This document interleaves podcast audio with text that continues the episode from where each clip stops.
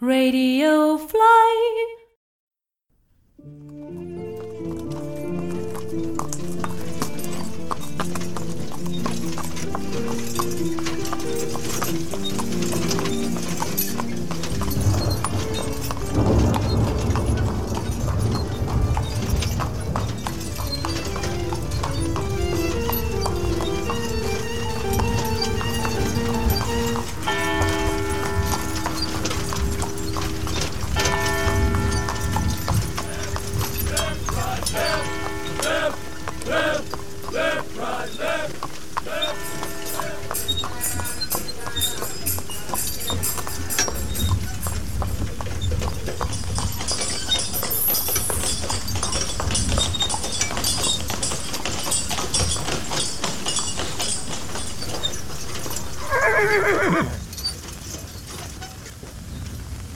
मुझे थोड़ी देर लग सकती है। ये लो कुछ चाय नाश्ता कर लेना। शुक्रिया साहब।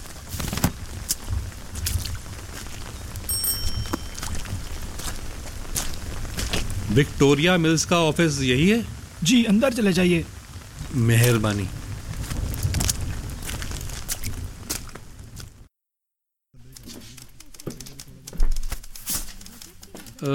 विक्रम बाबू? क्या काम है? कुछ ज़रूरी बात करनी है। कपड़े को ऑर्डर देना है तो सामने मिस्टर मेहता से मिलिए। नहीं नहीं। अभी वो बिज़ी हैं। शाम को क्लब जाते हैं वहाँ आप हाँ हाँ हाँ कपड़ा खरीदना है। काफ़ी सारा। मैं उन्हीं से रेट फाइनल करूँगा।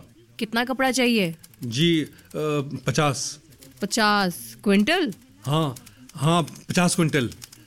लेकिन सिर्फ़ विक्रम बाबू मेरे साथ आइए।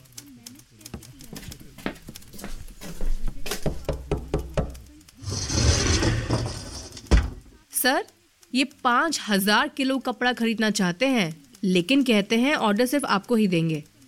आइए बैठिए। मेहरबानी।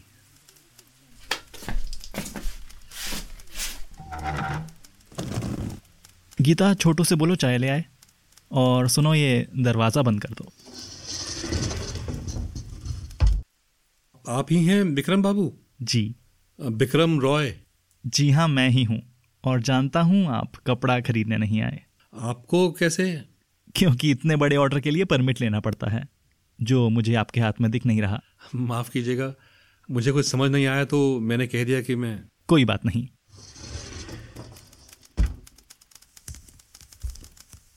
चाय लेंगे? मेहरबानी।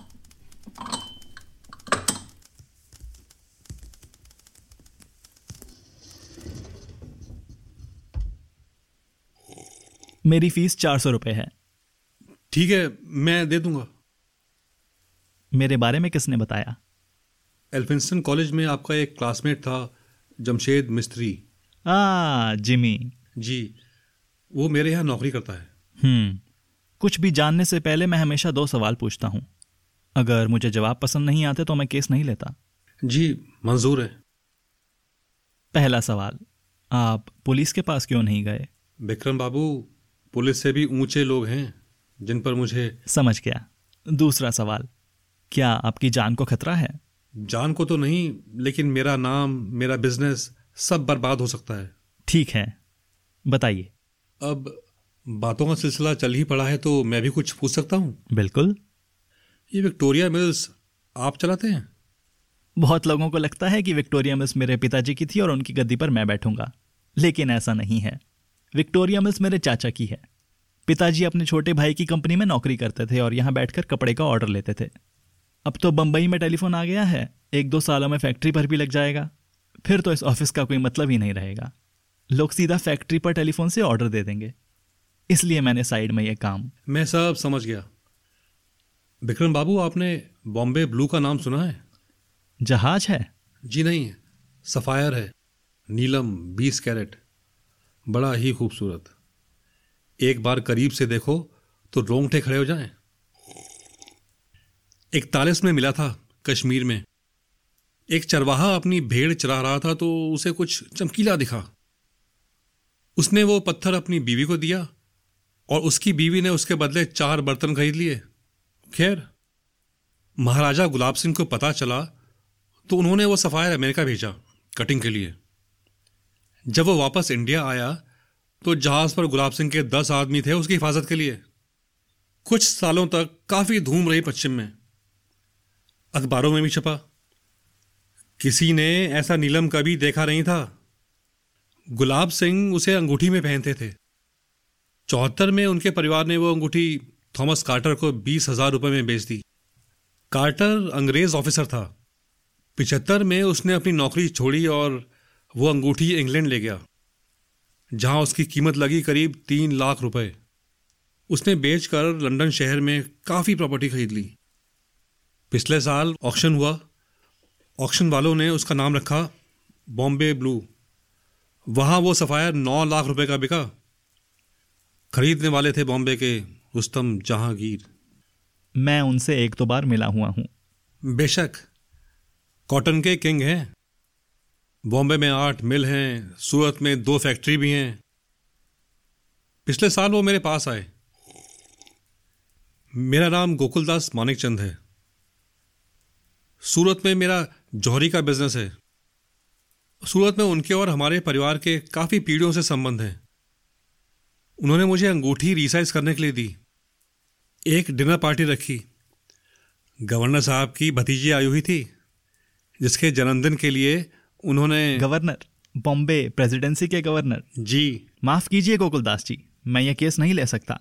जब आपने बताया पुलिस के ऊपर तब आपने गवर्नर की बात नहीं की थी।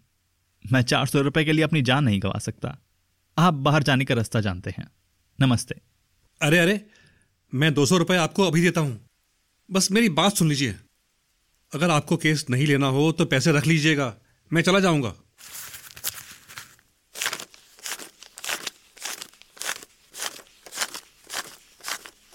ये ये लीजिए। ठीक है। मेहरबानी।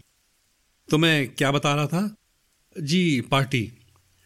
रुस्तम जहांगीर बड़े आदमी हैं और उनकी पार्टीज़ हमेशा शानदार होती हैं। बॉम्बे के सब बड़े बड़े लोग आते हैं। बोलते रहिए मैं सुन रहा हूँ। जी। सिगरेट लेंगे? आपके लिए बनाऊँ एक?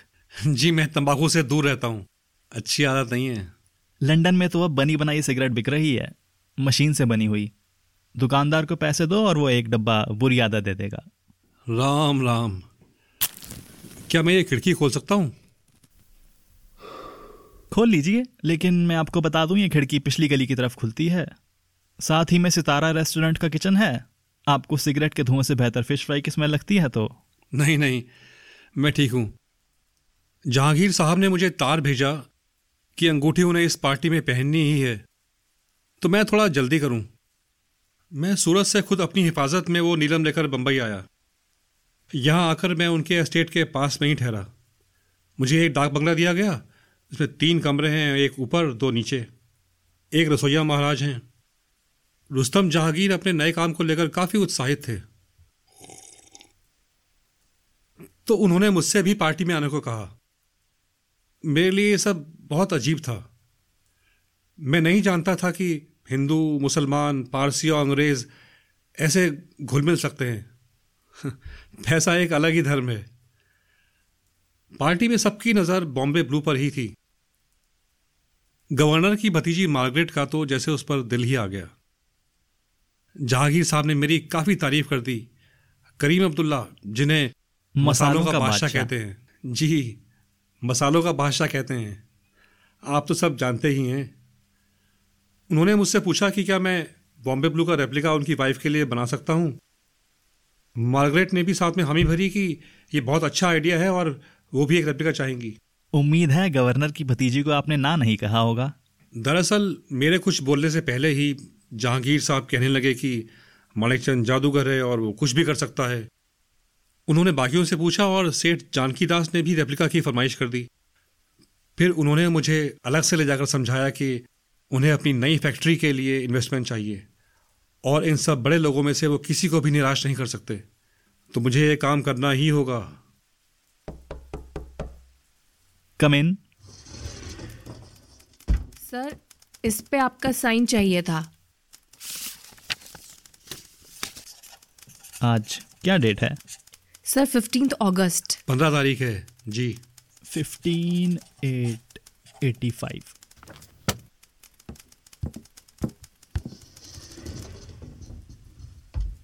माफ़ कीजिए। तो आपने वो रेप्लिका बनाए? शहर में बढ़िया है। लड़कियाँ काम पे निकलती हैं। जी बिल्कुल। लड़के लड़कियाँ अब बराबर ही हैं। क्या मैं जी जी।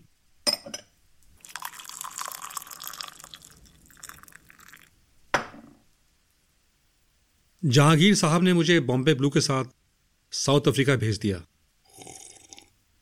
वहाँ मैं और मेरा बेटा दो हफ़्ते तक बॉम्बे ब्लू के साइज़ के जैसे सफाया ढूंढते रहे लेकिन कुछ खास हाथ नहीं लगा। फिर मुझे वहाँ एक अंग्रेज़ मिला जिसने दावा किया कि पेरिस में वो एक साइंटिस्ट को जानता है जो ऐसे रेप्लिका बना सकता है कि कोई पहचान नहीं पाएगा कि असली कौन सा है और नकली कौन सा। गोकुलदास जी अब आप मुझे कहेंगे पेरिस जाओ तो मेरी फ़ीस चार सौ रुपये से थोड़ी बढ़ जाएगी। नहीं नहीं आपको कहीं नहीं जाना। मैं और मेरा बेटा पेरिस पहुँचे। साउथ अफ्रीका से जो पता मिला था, उसे ढूंढ कर वहाँ हम बर्नार्ड से मिले। उसकी लेबोरेटरी छोटी थी, लेकिन थी बहुत साफ़। उसने बॉम्बे ब्लू की कलर ग्रेडिंग की और साइज़ लिया। इन सब कामों में मैं उसके साथ था। नीलम मेरी नज़र के कभी बाहर नहीं गया। पाँच दिनों में उसने पहला रेप्लिका मुझे पकड़ाया। विक्रम बाबू ऐसी कमाल की कारीगरी मैंने पहले कभी नहीं देखी। बीस दिन बाद तीन रेप्लिका और बॉम्बे ब्लू को लेकर हम वापस चल पड़े। उसने मुझसे लगभग बीस हज़ार रुपये लिए। रुस्तम जहांगीर बहुत खुश थे। उनके हिसाब से काफ़ी पैसा लगने वाला था।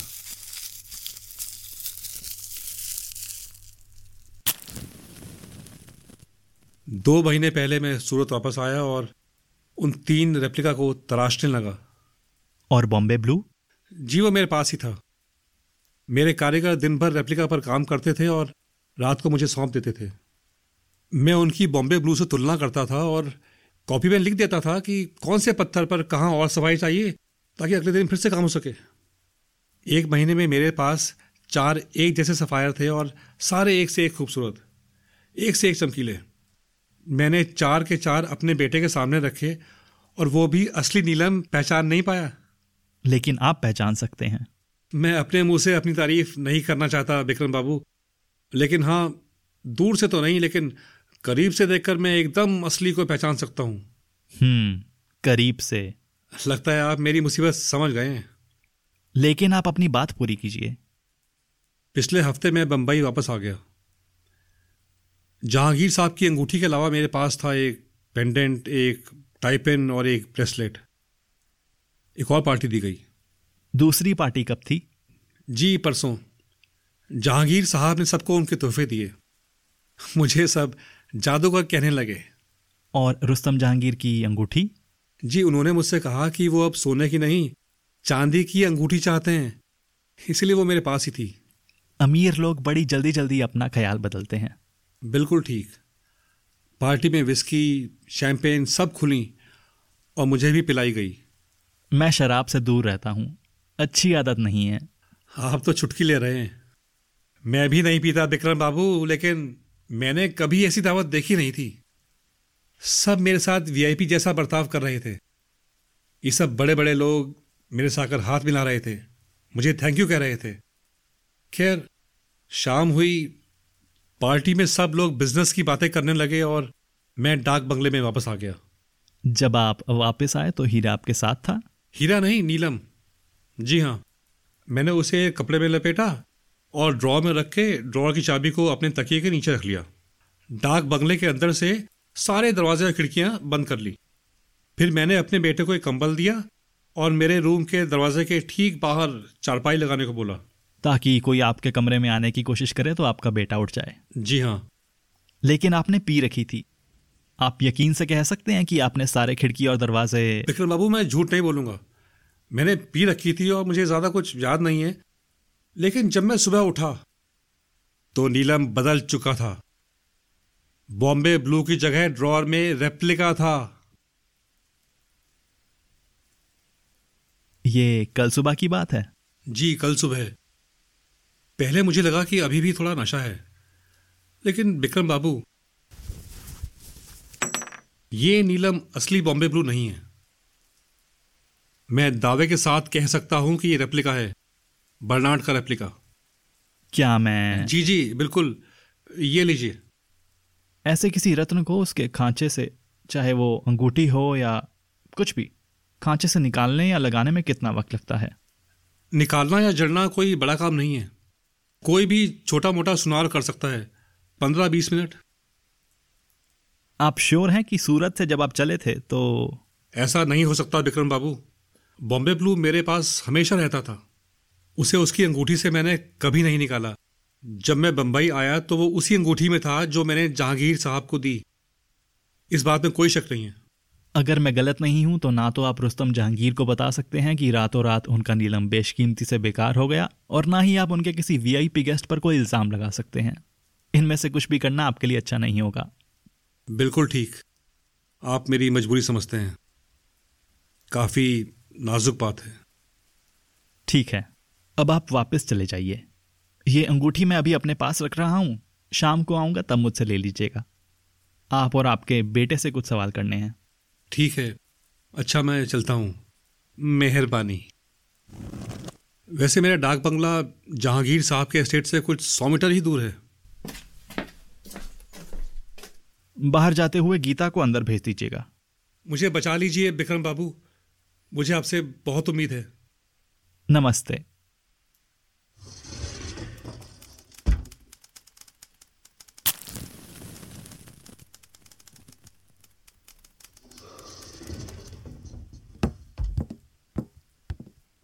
सर केस लिया क्या? हम्म। बहुत टाइम बाद नया केस लिया है सर। काफ़ी इंटरेस्टिंग मामला है। तुम थिएटर करना तो नहीं भूली?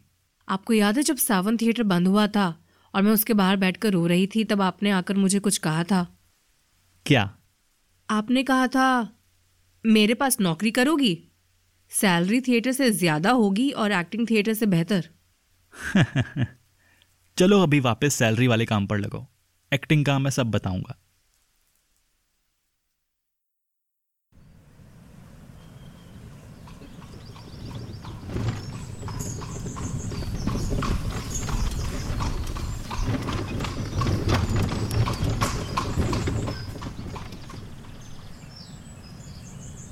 आइए आइए विक्रम बाबू। ये मेरा बेटा है हरीलाल। नमस्कार साहब। मैं कोई साहब वाहब नहीं हूँ हरीलाल। तुम तो मेरी ही उम्र के लगते हो। मुझे इतना बड़ा ना बनाओ। अंदर आ जाइए।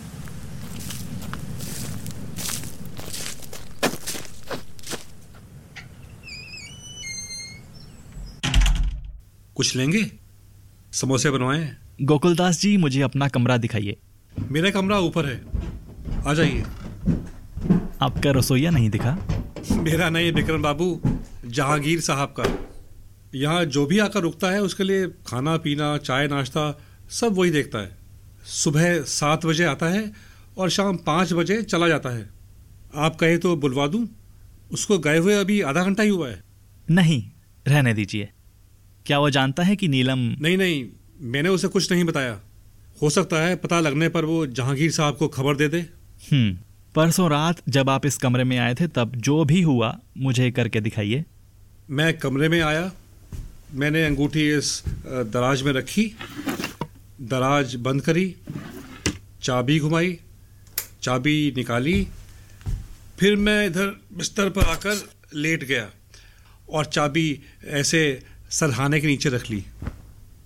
उसके बाद आपको कुछ याद नहीं। जी नहीं। सुबह छह बजे मेरा बेटा दरवाज़ा खटका रहा था। बाबा बाबा कह रहा था, मेरी नींद खुली, मैंने कहा, मैं उठ गया हूँ, हरीलाल। मैंने सिरहाने के नीचे से चाबी निकाली, दराज खोली, अंगूठी उठाई तो मुझे लगा कुछ गड़बड़ है। पहले मुझे लगा कि मुझे धोखा हो रहा है, लेकिन ध्यान से देखा तो मैं समझ गया कि वो असली नहीं है। मैंने दरवाज़ा खोलकर हरीलाल को अंदर बुलाया। एक सेकंड। हरीलाल परसों सुबह से अपने दिन के बारे में बताओ। विक्रम बाबू हम रेल से बम्बई आए। फिर स्टेशन से टांगा करा और दस बजे के आसपास यहाँ पहुँचे। बाबा ने मुझसे कहा मेरे कपड़े निकाल के रखो मैं नहाने जा रहा हूँ। चारों नीलम गोकुलदास जी के पास थे? जी नहीं सिर्फ़ असली वाला। उन्होंने अंगूठी अपने गले में पहनी हुई थी अपने कुर्ते के अंदर। बाकी तीन मेरे पास इस बक्से में थे। गुसल खाना कहाँ है? जी नीचे।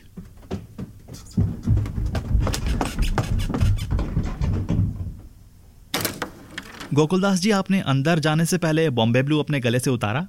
जी नहीं मैं उसे पहन कर ही नहा लिया। अब जहांगीर साहब से मत कहिएगा। नहाकर बाबा ने नए कपड़े पहने अंगूठी को अपने गले की चेन से निकाला साफ़ किया और इस पोटली में डाल दिया और फिर करीब बारह बजे पोटली और बक्सा लेकर पार्टी के लिए चल दिए।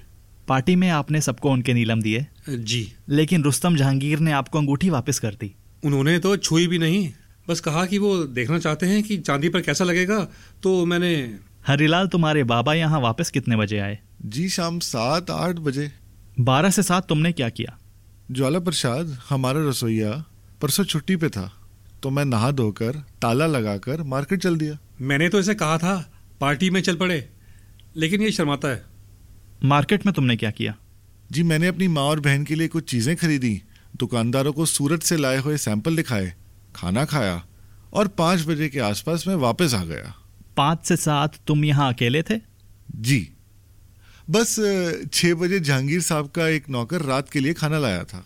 मुझे उस नौकर के बारे में बताओ। होगा पंद्रह साल का। मैं यहीं बैठ करके एक किताब पढ़ रहा था तभी मुझे बाहर से एक अजीब सी आवाज़ आई। मैं बाहर आया तो देखा उसने सारा खाना गिरा दिया था।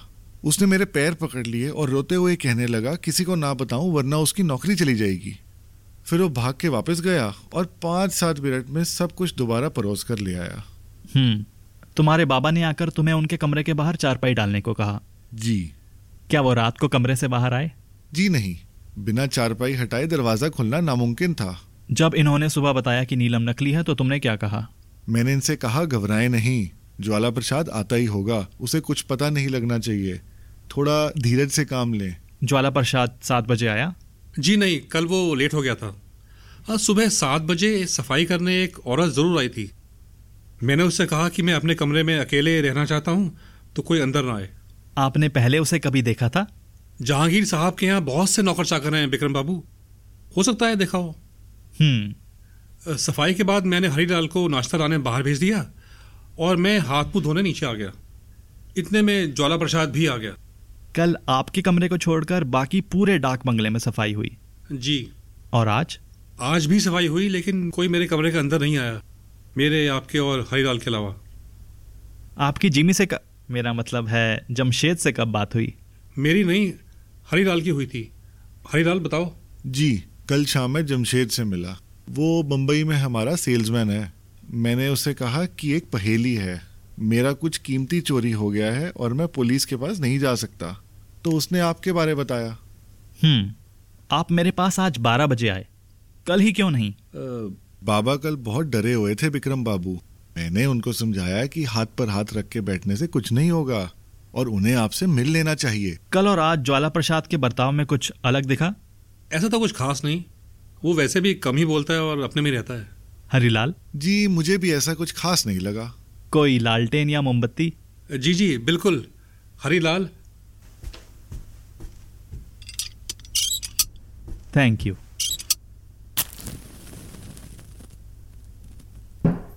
विक्रम बाबू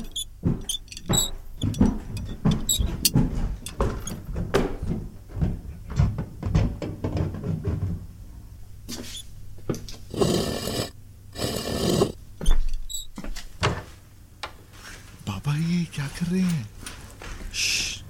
काम करने दो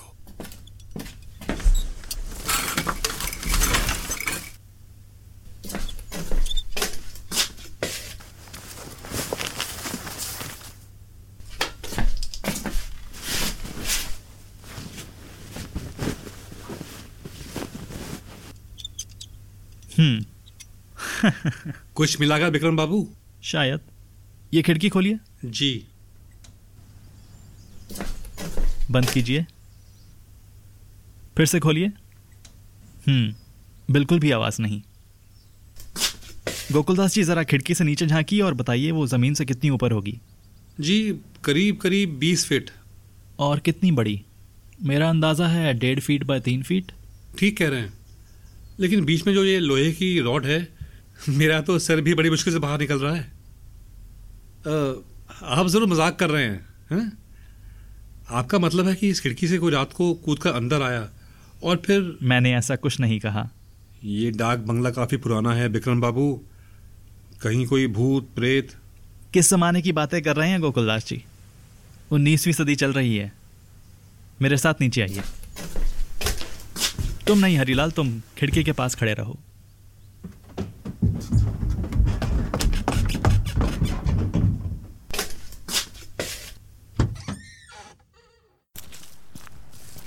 विक्रम बाबू खिड़की से कैसे कोई? ये लीजिए आपकी अंगूठी। मेहरबानी। मैं आपसे कुछ पूछना चाहता हूँ। जी जी बिल्कुल। हरीलाल की शादी हो चुकी है? जी नहीं। क्या उसे कभी पैसों की कमी या फिर अ, मैं समझा नहीं। राम राम राम। आपको लगता है हरीलाल? नहीं नहीं विक्रम बाबू। मेरा बेटा कभी ऐसा नहीं कर सकता। हमारे घर में किसी चीज़ की कमी नहीं है। हम्म। हरीलाल। जी।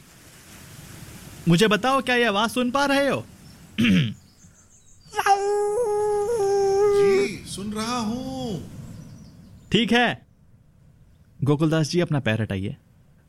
यहाँ रख लूँ? आपका कुछ गिर गया है क्या? आइए। आपको झूठ बोलने से कोई परहेज तो नहीं? अ, रुस्तम जहांगीर को एक और पार्टी देनी होगी। आप कैसी बातें कर रहे हैं? पार्टी होगी उदयपुर की महारानी की छोटी बहन रुक्मणी देवी के लिए। कौन? रुक्मणी देवी वो और उनकी बहन उदयपुर की महारानी आपसे गहने बनवाती हैं। रुस्तम जहांगीर से कहिए रुक्मणी देवी बम्बई आ रही हैं और वो सब खास लोगों से मिलना चाहती हैं। तो एक बढ़िया पार्टी रखें। वो अपना फोटोग्राफर साथ ला रही हैं। ये सबको ज़रूर मालूम पड़ना चाहिए। और ये भी कि नीला रंग उन्हें बहुत पसंद है। और गोकुलदास जी मुझे एक खास कैमरा बनवाना है। एक शानदार घोड़ा गाड़ी किराए पर लेनी है। इन सब का मेरी फ़ीस के ऊपर लगेगा। मैं दे दूँगा। क्या ये रुक्मिणी देवी आपके ऑफ़िस में काम करने वाली गीता होंगी? गोकुलदास जी आप सब कुछ काफ़ी जल्दी समझने लग गए हैं। लगता है आपको शहर की हवा लग गई है। कल गीता आपको क्रॉफर्ड मार्केट में 11 बजे मिलेगी। उसे बढ़िया साड़ी और गहने खरीद दीजिएगा जैसे एक राजकुमारी पहनती हो। असली की कोई ज़रूरत नहीं है बस महँगे लगने चाहिए। मैं अब आपसे पार्टी में ही मिलूँगा। वो सब तो ठीक है विक्रम बाबू पर जहांगीर साहब कैसे यकीन करेंगे कि आपने ईस्ट इंडिया डेली का नाम सुना है? जी नहीं। क्योंकि ऐसा कोई अखबार है ही नहीं। कुछ साल पहले एक न्यूज़पेपर छपता था भारतवर्ष जो अब बंद हो चुका है। मैंने उसकी प्रिंटिंग प्रेस खरीद ली थी। कल गीता आपको ईस्ट इंडिया डेली की 16 अगस्त वाली कॉपी देगी। उसे संभाल के रख लीजिएगा। असली का अखबार नहीं है, लेकिन लगेगा बिल्कुल असली। उसमें छपा होगा कि बम्बई में रुकमणी देवी आई हैं। रुस्तम जहांगीर को दिखा दीजिएगा। मेरा अनुभव है कि छपी हुई बातों पर लोग सवाल नहीं उठाते। जी, ठीक है। राम राम।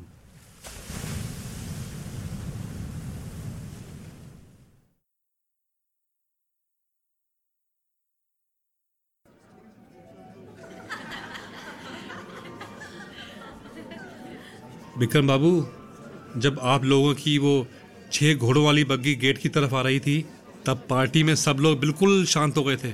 जैसे कोई सांप सूंघ गया हो। वैसे राजपुताना लिबास में काफ़ी जच रहे हैं आप। गीता बेटी अकेली उन सब लोगों के बीच में? वो अपने आप को संभाल लेगी। आप पीछे से बाहर जाइए वहाँ मेरा फोटोग्राफर अपने कैमरे के साथ खड़ा है। कैमरे का काला कपड़ा उठाएँगे तो अंदर एक छोटी सी सीट है उस पर बैठ जाइएगा। एक बार मुझे दुआ समझाएँगे? कैमरा के लेंस के अलावा एक और लेंस है जो दूरबीन जैसा काम करता है। रुक्मणी देवी एक एक करके सबके साथ फोटोग्राफ खिंचाएँगी। आप पहचान लीजिएगा कौन सा नीलम असली है। ठीक है जाता हूँ। थोड़ा डर लग रहा है। डरिए नहीं गोकुलदास जी। तीनों संदिग्ध अपने नीलम पहन कर आए हैं। आपका चोर इसी छत के नीचे है। खम्मा घड़ी। सर और कितनी देर? बस हाथ जोड़कर खम्मा घड़ी करती रहो। Pleased to meet you, Your Highness. खम्मा घड़ी करीम अब्दुल्ला। मैंने आपके बारे में बहुत सुना है। आपकी बहन कमाल का काम कर रही हैं। खम्मा घड़ी Margaret Brown. Such an honor to meet you, Your Highness. खम्मा घड़ी हंसती रहो और मुझे देखकर अपने किसी नाटक की लाइन बोलो। क्षमा कीजिए महाराज हम बनावट नहीं कर सकते।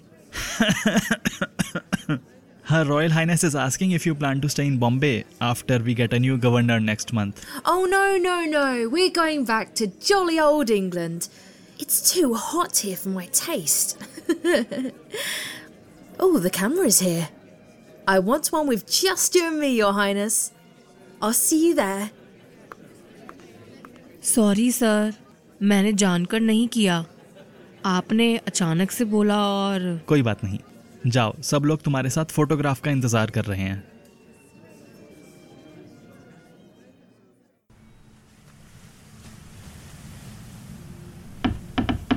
बाहर आ जाइए। जरा हाथ देना विक्रम बाबू। थोड़ा मुश्किल है इसमें से। मेहरबानी। तीस साल पहले तो मैं भागकर पहाड़ी चढ़ जाता था। बॉम्बे ब्लू दिखा। मुझे अंदर से कुछ सुनाई नहीं दे रहा था और जो कुछ दिख रहा था वो भी सब उल्टा पुल्टा ओ हाँ। मैं आपको बताना भूल गया कि सब उल्टा दिखेगा। लेकिन मेरा अनुमान है कि पांचवी फोटोग्राफ जिसके साथ ली गई उसने असली का नीलम पहना हुआ था। अब वो गले में पहना था या हाथ में इसमें मुझे गोकुलदास जी आप कल 11 बजे मेरे ऑफ़िस आ जाइएगा। बॉम्बे ब्लू आपको मिल जाएगा। पर आप कैसे सब मुझ पर छोड़ दीजिए और पार्टी में वापस चले जाइए। जी राम राम।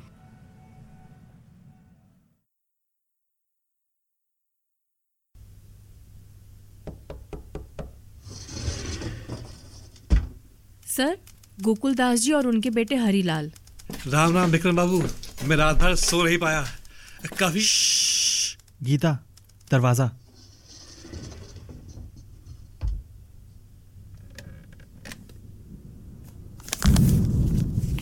ये लीजिए मेरा bill.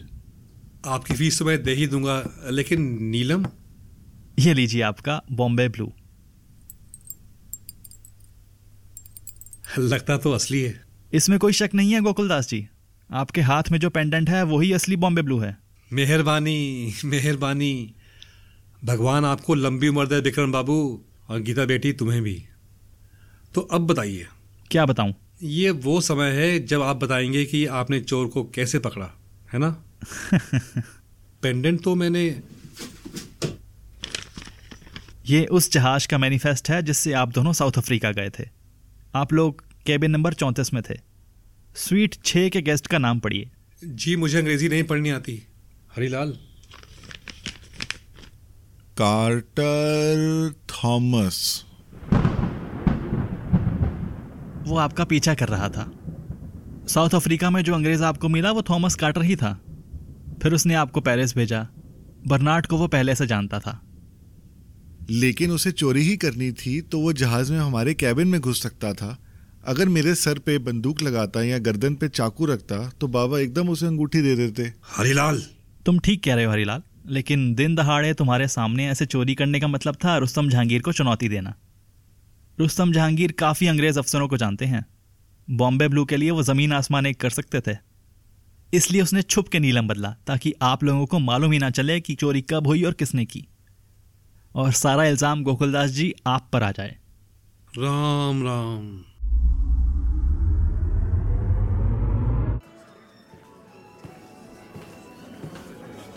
Her Highness would like to see you, madam, in private.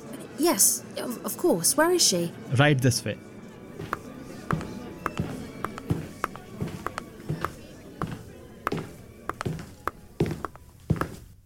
You wanted to see me, Your Highness. Thomas Carter उस दूसरी पार्टी में था और रसोईया ज्वाला प्रसाद थॉमस कार्टर की जेब में वो क्या रुस्तम जहांगीर के सारे नौकर उनमें से एक बार बार आपको लाकर शराब भी पिला रहा था ज्वाला प्रसाद उस दिन छुट्टी पर था क्योंकि कार्टर ने उसे भेजा था एक सोनार को लाने। कार्टर चाहता था कि उस रात नीलम रुस्तम जहांगीर के पास से बदला जाए। अगर वो ऐसा करने में कामयाब हो जाता तो उसे असली का बॉम्बे ब्लू भी मिल जाता और रुस्तम जहांगीर को शायद कभी मालूम भी ना पड़ता। लेकिन जब कार्टर ने देखा कि असली का नीलम गोकुलदास जी आपके पास ही रह गया है, तब उसने अपनी चाल बदली।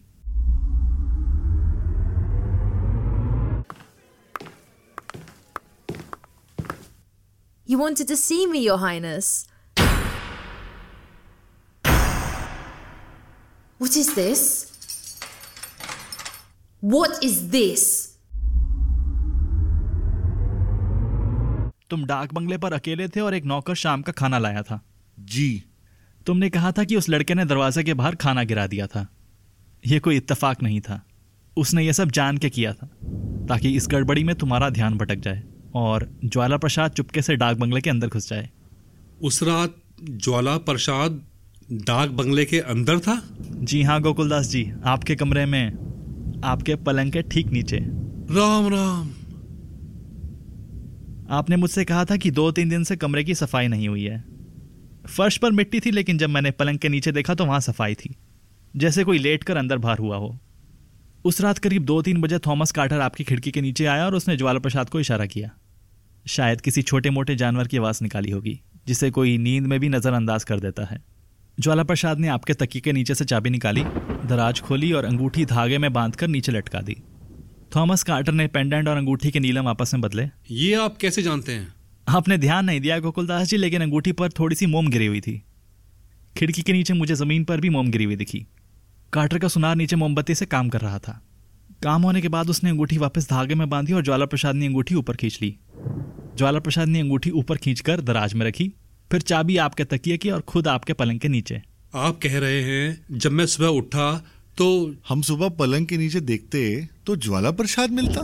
जी हाँ लेकिन आपने इतने सालों में सुबह उठकर कितनी बार अपने पलंग के नीचे देखा है? मैं नहा के बाहर आया तो वो रसोई में सब्ज़ी काट रहा था। मैंने कुछ ज़्यादा सोचा नहीं। जब हरीलाल बाज़ार नाश्ता लेने गया और आप नहाने तो वो पलंग के नीचे से निकल आया राम राम लेकिन आपको ये पेंडेंट गोकुलदास जी जो खेल हमने कल खेला वो पहले कोई और खेल चुका है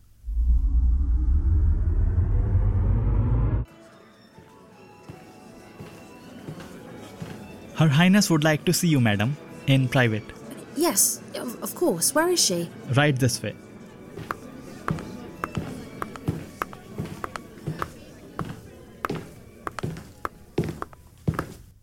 You wanted to see me, Your Highness. What is this? What is this? Open this door at once. I demand that you open this door right now. We know who you are, Margaret Carter. Carter? What is this? And we know that that is the real sapphire. Rukmini देवी दूसरी नकली gas थी जिनके लिए रुस्तम जहांगीर ने party रखी। दूसरी? कल party में मैंने मार्गरेट से पूछा कि अगले महीने बंबई में नया गवर्नर आ रहा है क्या वो शहर में ही रहेगी या वापस चली जाएगी? तो उसने कहा वो वापस जा रही है। गवर्नर ब्राउन अप्रैल में ही गवर्नर बने हैं। अगले महीने कोई नया गवर्नर नहीं आ रहा। अगर वो सच में गवर्नर की भतीजी होती तो उसे ये पता होता। मैं तभी समझ गया कि कुछ गड़बड़ है। और उसके बाद आपने कैमरे के अंदर से उसे असली का नीलम पहने हुए भी देख लिया। कल जो पांचवी फोटोग्राफ, वो मार्गरेट थी? जी। गोकुलदास जी, मार्गरेट गवर्नर की भतीजी नहीं है। वो थॉमस कार्टर की बेटी है।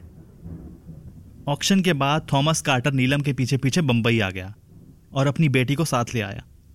किसी तरह रुस्तम जहांगीर को यह भरोसा दिलवा दिया कि मार्गरेट कार्टर मार्गरेट ब्राउन है, गवर्नर ब्राउन की भतीजी। जैसा कि आपने देखा, रुस्तम जहांगीर को बहलाना काफ़ी आसान है। उन्हें बड़ी चीज़ें और बड़े लोग दोनों का ही शौक है। पहली पार्टी में जब रेप्लिका की बात हुई तो मार्गरेट भी उतावली हो गई। उसने वापस जाकर अपने पिता थॉमस कार्टर को यह बात कही और वो आपके पीछे पीछे साउथ अफ्रीका पहुँच गया। पर ये सब उसने थॉमस कार्टर की सारी प्लानिंग ठीक जा रही थी। किसी को उस पर शक नहीं होता। लेकिन जब रुस्तम जहांगीर ने मार्गरेट को पार्टी के लिए बुलाया और कहा कि उदयपुर की महारानी की बहन के साथ फोटोग्राफ ली जाएगी तब उससे रहा नहीं गया। उसने सोचा लंदन वापस जाने से पहले एक बार एक राजकुमारी से भी मिल लिया जाए। यही उसकी सबसे बड़ी भूल थी। हमने मार्गरेट कार्टर से कहा कि वो पेंडेंट हमें दे दे वरना हम उसकी पोल खोल देंगे। उसने सब कुछ कबूल कर लिया लेकिन वो इतनी भी भोली नहीं है।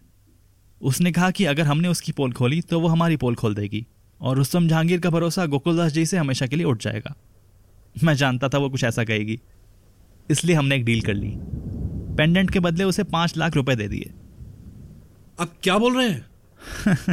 घबराइए नहीं गोकुलदास जी आपको और पैसे नहीं देने। याद है मैंने कहा था मैंने एक प्रिंटिंग प्रेस खरीदी है।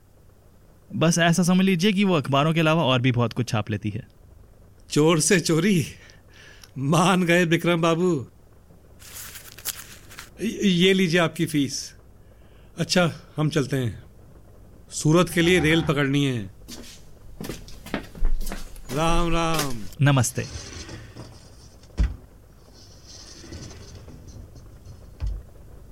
सर आपको डर नहीं लग रहा कि कहीं थॉमस और मार्गरेट कार्टर नकली नोट लेके पुलिस के पास पहुँच गए तो? चोर और बहरूपिया पुलिस के पास नहीं जाते गीता। वो अब तक समझ गए होंगे कि उन्हें बेवकूफ़ बनाया गया है और वो शायद बंबई से दुम दबाकर भाग रहे होंगे। हम्म। शायद नहीं सर। ये देखिए आज सुबह मैं पोर्ट ऑफ़िस से क्या लाई?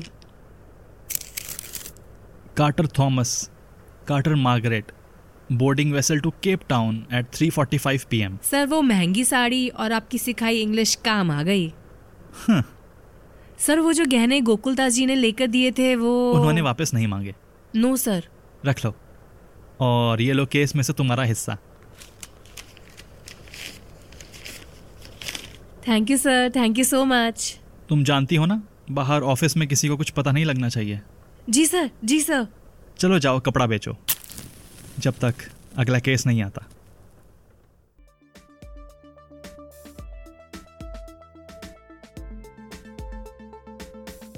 Bombay blue return and directed by Pratik Arora with Anurag Awasthi as Gokuldas Manikchand Amitoj Singh as Harilal Manikchand Lauren Claire as Margaret Prerna Jain as Geeta and Pratik Arora as Bikram Roy Additional voices by Charanjit Singh Malik and Stephen Penny. Editing and sound design by Pratik Arora. Tiny Tales, created by Pratik Arora.